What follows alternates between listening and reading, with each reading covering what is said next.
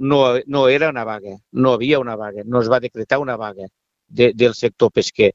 El que es va dir va ser un, un manifest de suport al sector primari. En cap moment, des de, les, des de la Federació Catalana i també des de la Federació Nacional de Cofradís, se va parlar d'una vaga i d'un amarrament de la, de, la, de la flota pesquera. Evidentment, quan, quan, ha sigut, quan hem tingut que amarrar, eh, les dues coses s'han fet diferents, s'han fet a través de les federacions i els sectors han amarrat i no ha hagut cap de problema.